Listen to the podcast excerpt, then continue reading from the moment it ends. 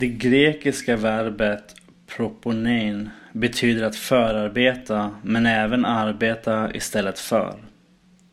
Verbets båda betydelser ringar in två spår i Johan Jönssons senaste bok Proponesis. Boken kan sägas befinna sig i ett ständigt potentiellt skaldande förarbete. Det är en diktbok som prövar olika möjligheter i syfte att stanna kvar i bokens oförverkligade potential. Ett annat spår i boken är att diktjagets tillvaro inte längre, som så ofta i Jönssons böcker, präglas av förvärvsarbete. Så boken Proponesis kan sägas utföra ett arbete istället för lönarbetet. Det är en utmaning att sammanfatta en 2272-sidig bok skriven av Johan Jönsson. Men låt mig försöka ge en bild av Proponesis. För den läsare som sedan tidigare är bekant med Jönssons poesi känns mycket igen. Boken byter ständigt form.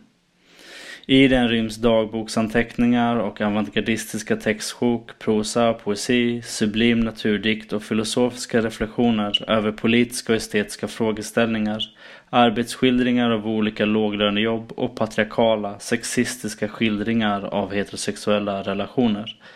Det förekommer också, vilket har blivit vanligare i Jönssons senare produktion, icke-lexikala figurer, streck, cirklar och symboler genom boken. Proponesis inleds med en prosatext som är uppdelad i två femradiga stycken med indragna och jämna höger och vänstermarginaler. De femradiga styckena åtskiljs på sidan av ett mindre mellanrum. Denna textform återkommer genom hela boken men avbryts av andra former. Innanför Proponesis bokpärmar ryms ett stort antal mindre böcker interfolierade i den opaginerade textmassan. Dessa mindre böcker märks ut med ett försättsblad där författarnamn, titel, förlag och ISBN-nummer står utskrivna. De är också paginerade. Proponesis börjar i ett minne av ett arbetsmoment på en grafitpulververkstad i Sundsvall där diktjaget jobbade som ung. I minnet hissas han in i en av de stora ugnarna för att skrapa rent den. Det är en tät skildring som i sin detaljrikedom blir hypnotiskt abstrakt och etablerar en enorm närvaro hos läsaren. Den här scenen slutar i ett konstaterande att diktjaget befinner sig långt hemifrån och att inget hem heller går att återvända till. Det är ett vemodigt konstaterande och utgör också början på ett av de ovan nämnda spåren, nämligen lämnandet av den egna klassen. Sedan övergår texten till att bli en meditation över dödens närvaro i den egna kroppen och tidens oupphörliga gång, vilken gestaltas via de olika kranar som droppar i diktjagets lägenhet. Nu återfinns också inkilat i texten återkommande kursiverade utsagor om bokens i generella termer natur. Det kan låta så här, citat. Står alltid och små droppar. Att göra bok istället för att minnas. Mitt liv är inte verkligt. Det har aldrig varit verkligt. Kan aldrig bli, särskilt inte vid skrivbordet. Boken är dödens gestaltning i de öppna handflatorna vänd mot ansiktets mask. Tänderna. Blodet. Varje dag blod i munnen. Särskilt efter arbetspassen vid skrivbordet. När jag går hem för att äta kommer det blod i munnen. Jag spottar blod. Som om blodet trängt upp ur tänderna. Ut genom tänderna. Som med kapillärkraft och fyller munhålan. Boken minns från framtiden. Den ogörliga framtiden. Regnvattnet som droppar och droppar likt ett avlägset likgiltigt tickande. Att göra bok, att göra död, andras och egen. Eftermiddag. Lägenheten tom. Ödslig, fylld av dagisbarnens doj och skrik. Som känns som hetsiga påminnelser om död.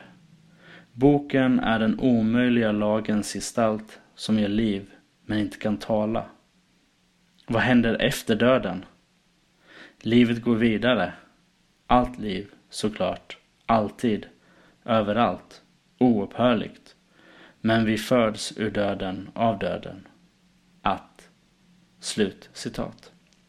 Cirka 200 sidor in stöter den på den första interfolierade boken som bär titeln Begravning brev.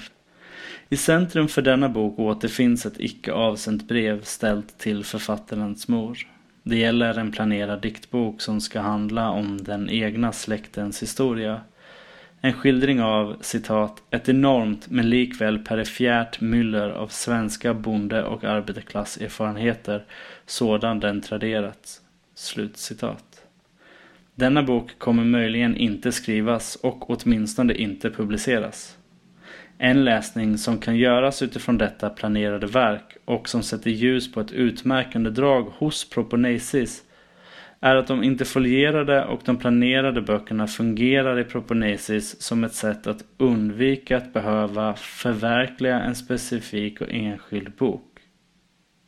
Istället tillåter de Proponesis dröja kvar i bokens utopiska position av oändlig möjlighet. Egentligen liknar det den position som finns innan skrivandet av en bok. Alltså drömmarna om den oskrivna bokens potential och möjligheterna. Denna drömda bok är en omöjlig bok. Men i sitt mångfaldigande av böcker och planerade verk stannar Proponesis i den omöjliga boken. Den här överblicken ger ingen exakt helhetsbild över Proponesis. Inte i relation till hur den ser ut eller vad den handlar om. Vad denna överblick ändå synliggör är hur boken jobbar med montaget som metod. En kan se hur detta montagearbete görs på både mikro och makronivå. Vad Johan Jönsson hela tiden etablerar är en växelverkan mellan olika textuella element, ibland ner på de enskilda radernas nivå, men också på den högre nivån mellan de olika interfolierade böckerna och de texter som står på de opaginerade sidorna. Den grundläggande spänningen i Proponesis genereras av relationen mellan dess enskilda delar och dess helhet. Mellan boken läst som montage och boken läst linjärt.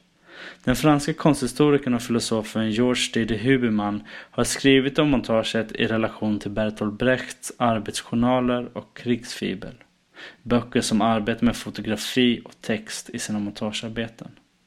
Det är det Huberman menar att montaget sammanför heterogena element i nya konstellationer för att kunna arrangera skillnad, konfrontation och konflikt. Men också för att synliggöra de dolda relationer som finns mellan de disparata delarna. På samma sätt är montaget verksamt även i Proponesis. Innanför sina pärmar sammanför Proponesis en stor mängd diskurser som ställs mot varandra. I denna konfrontativa form utblottas och påvisas skillnader men även vad som är gemensamt för bokens texter. Två olika formprinciper konstituerar boken och följaktligen två läsmetoder att tillägna sig den på. Läsaren kan antingen underordna sig bokens linjära struktur eller skapa egna läsmontage. De här två läsmetoderna utgör varandras motpoler och montaget kan förstås vinna kraft när det motsätter sig den mer kontinuerliga och följsamma läsmetoden. Men montaget riskerar också att utebli eftersom läsaren kan undvika att sätta igång montaget.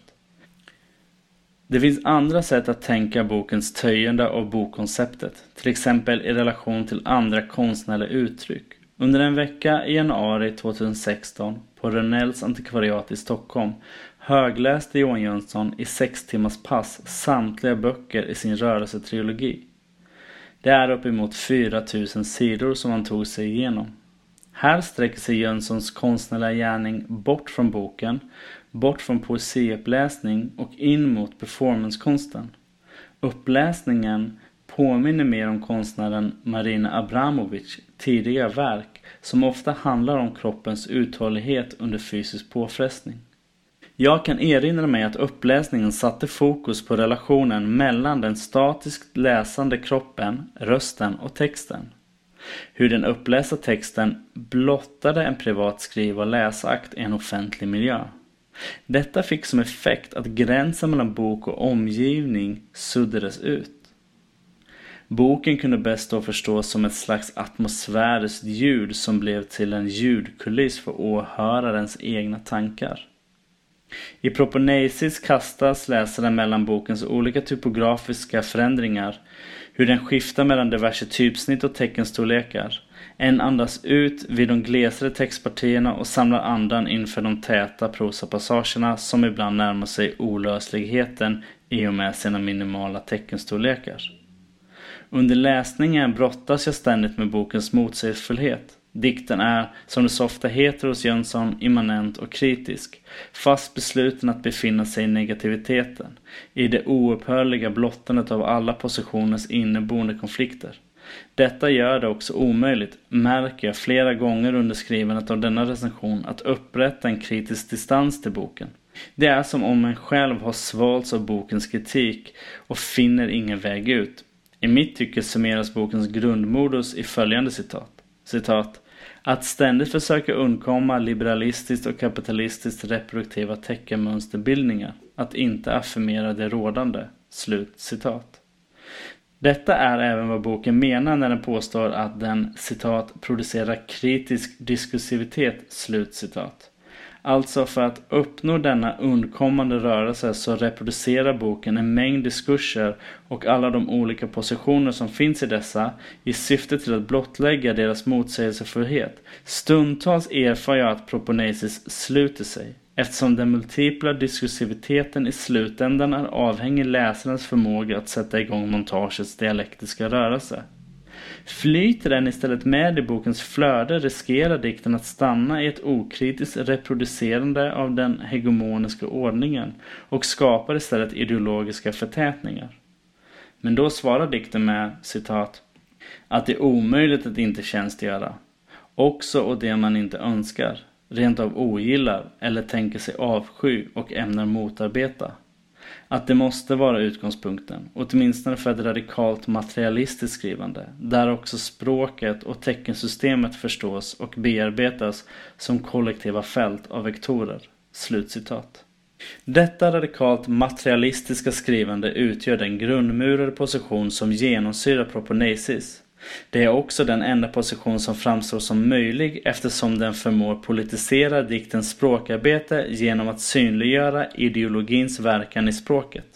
Men i min läsning får det proponesis att framstå som sluten då det är en position som hela tiden värjer sig mot att dikten skulle kunna delta i skapandet av något annat än den rådande ordningen.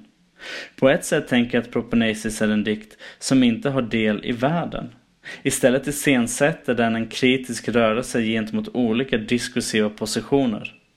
Det är en lovvärd strategi. Jag uppskattar hur Proponesis synliggör ideologins närvaro i språket men det gör också att något faller bort från relationen mellan dikten, språket och världen. Jag föreställer mig att det skulle gå att skriva en materialistisk kritisk poesi som också förmådde framvisa det som är opakt, okänt och radikalt annorlunda för den egna dikten. En sådan poesi skulle möjliggöra ett framhållande av det som kämpar mot och som erbjuder alternativ till en förtryckande ordning. Det skulle vara ett skrivande som förändrade hur läsaren såg sig själv och världen. Vad jag önskar mig är att dikten kunde drömma, inte som en flykt från språket, immanensen och den kritiska negativiteten, men som ett uppvisande av poesins också utopiska, drömmande och fantasieggande egenskaper. Idén om att det finns något i kollektiva kamper som dikten har del i, något som sträcker sig glimtvis bort från de dominerande relationerna och upprättar andra gemenskaper skulle vara spännande att få ta del av i relation till Proponesis heterogenitet. Att boken skulle ge plats åt de drömmar om en flykt bort från den rådande ordningen som också alltid dröms i men mot densamma.